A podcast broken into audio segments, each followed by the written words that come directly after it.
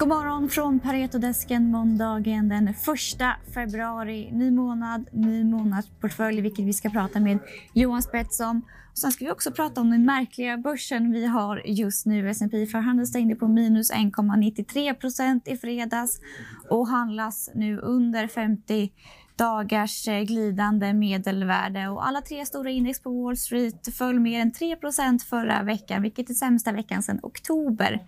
Trots att vi hade en bra rapportvecka förra veckan med 82% av de rapporterade bolagen som släppte bättre siffror än väntat.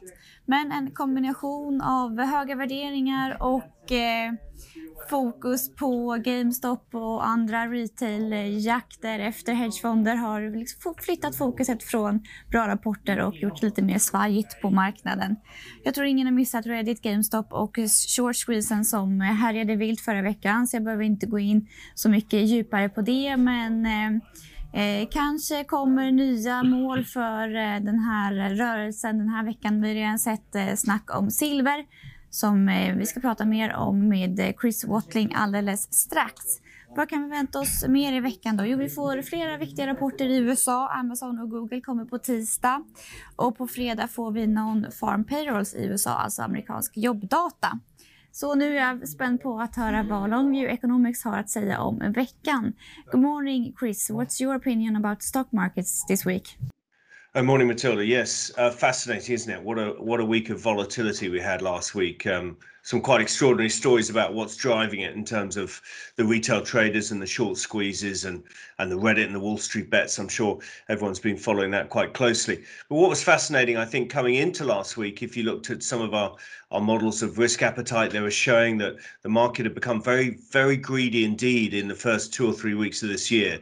Really, it's been a very good run up from the from the lows in October, late October, driven, of course, by you know the vaccine news and and by the election initially. Uh, but by that rotation to cyclicals and and the market, as I say, had become really quite greedy by you know the middle of January and uh, and tactically we became concerned. So it's interesting to see this pullback beginning. So pullbacks typically have three waves to them. Your first initial wave lower, then a bit of a bounce, and then um, some more selling after that. And I suspect we may well start that wave two relief rally uh, this week. Um, it looks like it might be beginning overnight in Asian trading. There's been there's been quite a lot of strength uh, after initial weakness at the, at the open in Asia uh, of US futures and, and, so on. So yeah, I mean, I I, I think we're in uh, we're in uh, a, a multi-week bout of volatility this is probably going to be a bit of a, a, a, relief rally here for the next few days, week or two, and then some more uh, some more weakness after that. But it's certainly fascinating. Uh, markets remain extremely interesting, and and uh, and this whole Wall Street bets things is, is fascinating as well. It looks as though silver is their target now. Um, so silver's up sharply overnight, and uh, potentially becoming a bit of a short squeeze there as well. So keep an eye on that. What what is the risks when uh, retail going against uh, hedge funds? Well, it's fascinating. I mean, on the surface, it seems like retail's against the hedge fund, but there are certain other hedge funds who actually seem to be winning quite well. Uh, Citadel is a case in point where it seems to me they seem to be winning a, a, a, from several angles. Uh, but yeah, I mean, it it is interesting. It's a sign, I think, of the sort of um, too, you know the amount of free money out there, the the cheap money, the free money, the the idea that GameStop can go up several thousand percent in a week is is clearly not about fundamentals. It's about uh, frenzied speculation, cheap money, and an extraordinary um, um, you know battle going on, as you say, between retail traders on the one hand and some hedge funds on the other. So, and of course, everyone jumps on and exaggerates the trend.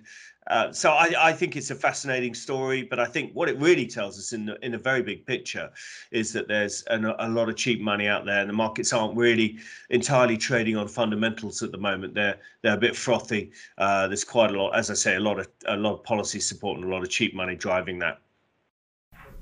And besides GameStops, uh, what's important this week? Well, yeah, obviously all those stocks. Absolutely, keep an eye on silver. I think silver, maybe gold, picks up some of that uh, attempt to short squeeze. Um, you know, there's some some big conspiracy stories out there. There, there is a physical short, uh, physical natural short position in silver and gold in the markets that is held by some of the big investment banks, the bullion banks. So there's a lot to chat about whether or not silver can be squeezed hard and cause some real problems for some of these big banks. So I'd watch how all that trades, whether that seeps into any of the any of those stock prices of those major bullion banks. But but clearly, I think relief rally this week. Watch that. In terms of macro, there is you know a ton of ton going on. It's the first week of the month, so it's a big data week for the US. Obviously, you've got payrolls at the end of the week. You've got ISM manufacturing uh, uh, today, I think, and then ISM non-manufacturing. On top of that, over in Europe, we've got Eurozone fourth quarter GDP. We've got Eurozone inflation later this week, and of course, we've got final final PMIs uh, for for the manufacturing and service sector. So an awful lot going on, lots to focus on. There's earnings as well across the US into the Eurozone, lots of earnings going on, some in Asia as well. Key tech stocks Amazon and Apple, I think it is, reporting this week. Uh, so lots to think about, lots to focus on. Uh, should be an interesting week. Thank you, Chris. Ja, och på Pareto fortsätter vi att följa rapportsäsongen noga och sen så släpper vi ju en uppdatering om månadsportföljen Johan Spets. Hur går det för vår månadsportfölj? Um, januari var lite blandad för månadsportföljen. Som, som börsen som helhet, eller Stockholmsbörsen, så öppnade ju nya året starkt. såg ju vissa sektorer, exempelvis cleantech, som ju rivstartade 2021, får man ju verkligen säga. Men sen har det varit lite skakigare andra halvan av januari. Så det ser vi i vår portfölj också, att vi låg eh, bra till i mitten av månaden men på hela månaden sett så var vi i princip flat för portföljen. Så lite svagare då än vårt benchmark-index. Så att eh, vår portfölj var ner 0,4% och vårt benchmark upp 2,5 mm. Och den här månaden, gör vi några förändringar då? Ja, tre förändringar. Så vi eh, eh plockar in eh, stendörren, eh, Eh, Bioinvent och Swedencare. Eh, och vi eh, plockar ut då Millicom, Klövern och Aselio. Mm. Och både Aselio och Klövern har ju varit våra topics för, för året. Har vi Känner vi att vi hämtar hem vinsten där nu? Eh, nej, det är ju, vi, vi fortsätter ju vara positivt inställda till egentligen alla de tre som vi plockar ut nu. Då. Mm. Eh, den här produkten, vår månadsportfölj, ska ju då gärna ha lite tydligare triggers i mm. närtid än vad vi ser i just de casen. Då. Så det är därför som vi har valt att plocka in de här andra tre. Eh, och de andra tre, om vi går igenom dem lite snabbt, så Swedencare och Stendörren, de, de ser vi ju båda har potential att revelera positiva eh, Q4-rapporter. Swedencare har ju gjort fyra förvärv under 2020. Har ju då nått upp till sitt försäljningsmål som man har haft på eh, en halv miljard kronor på årsbasis. Då. Så att nu är det ju dags för att sätta nya finansiella mål. Så vi tror det kan bli spännande för Q4-rapporten som kommer här i februari. För Stendörrens del så är det det är fastighetsbolag med fokus på lätt industri och logistik.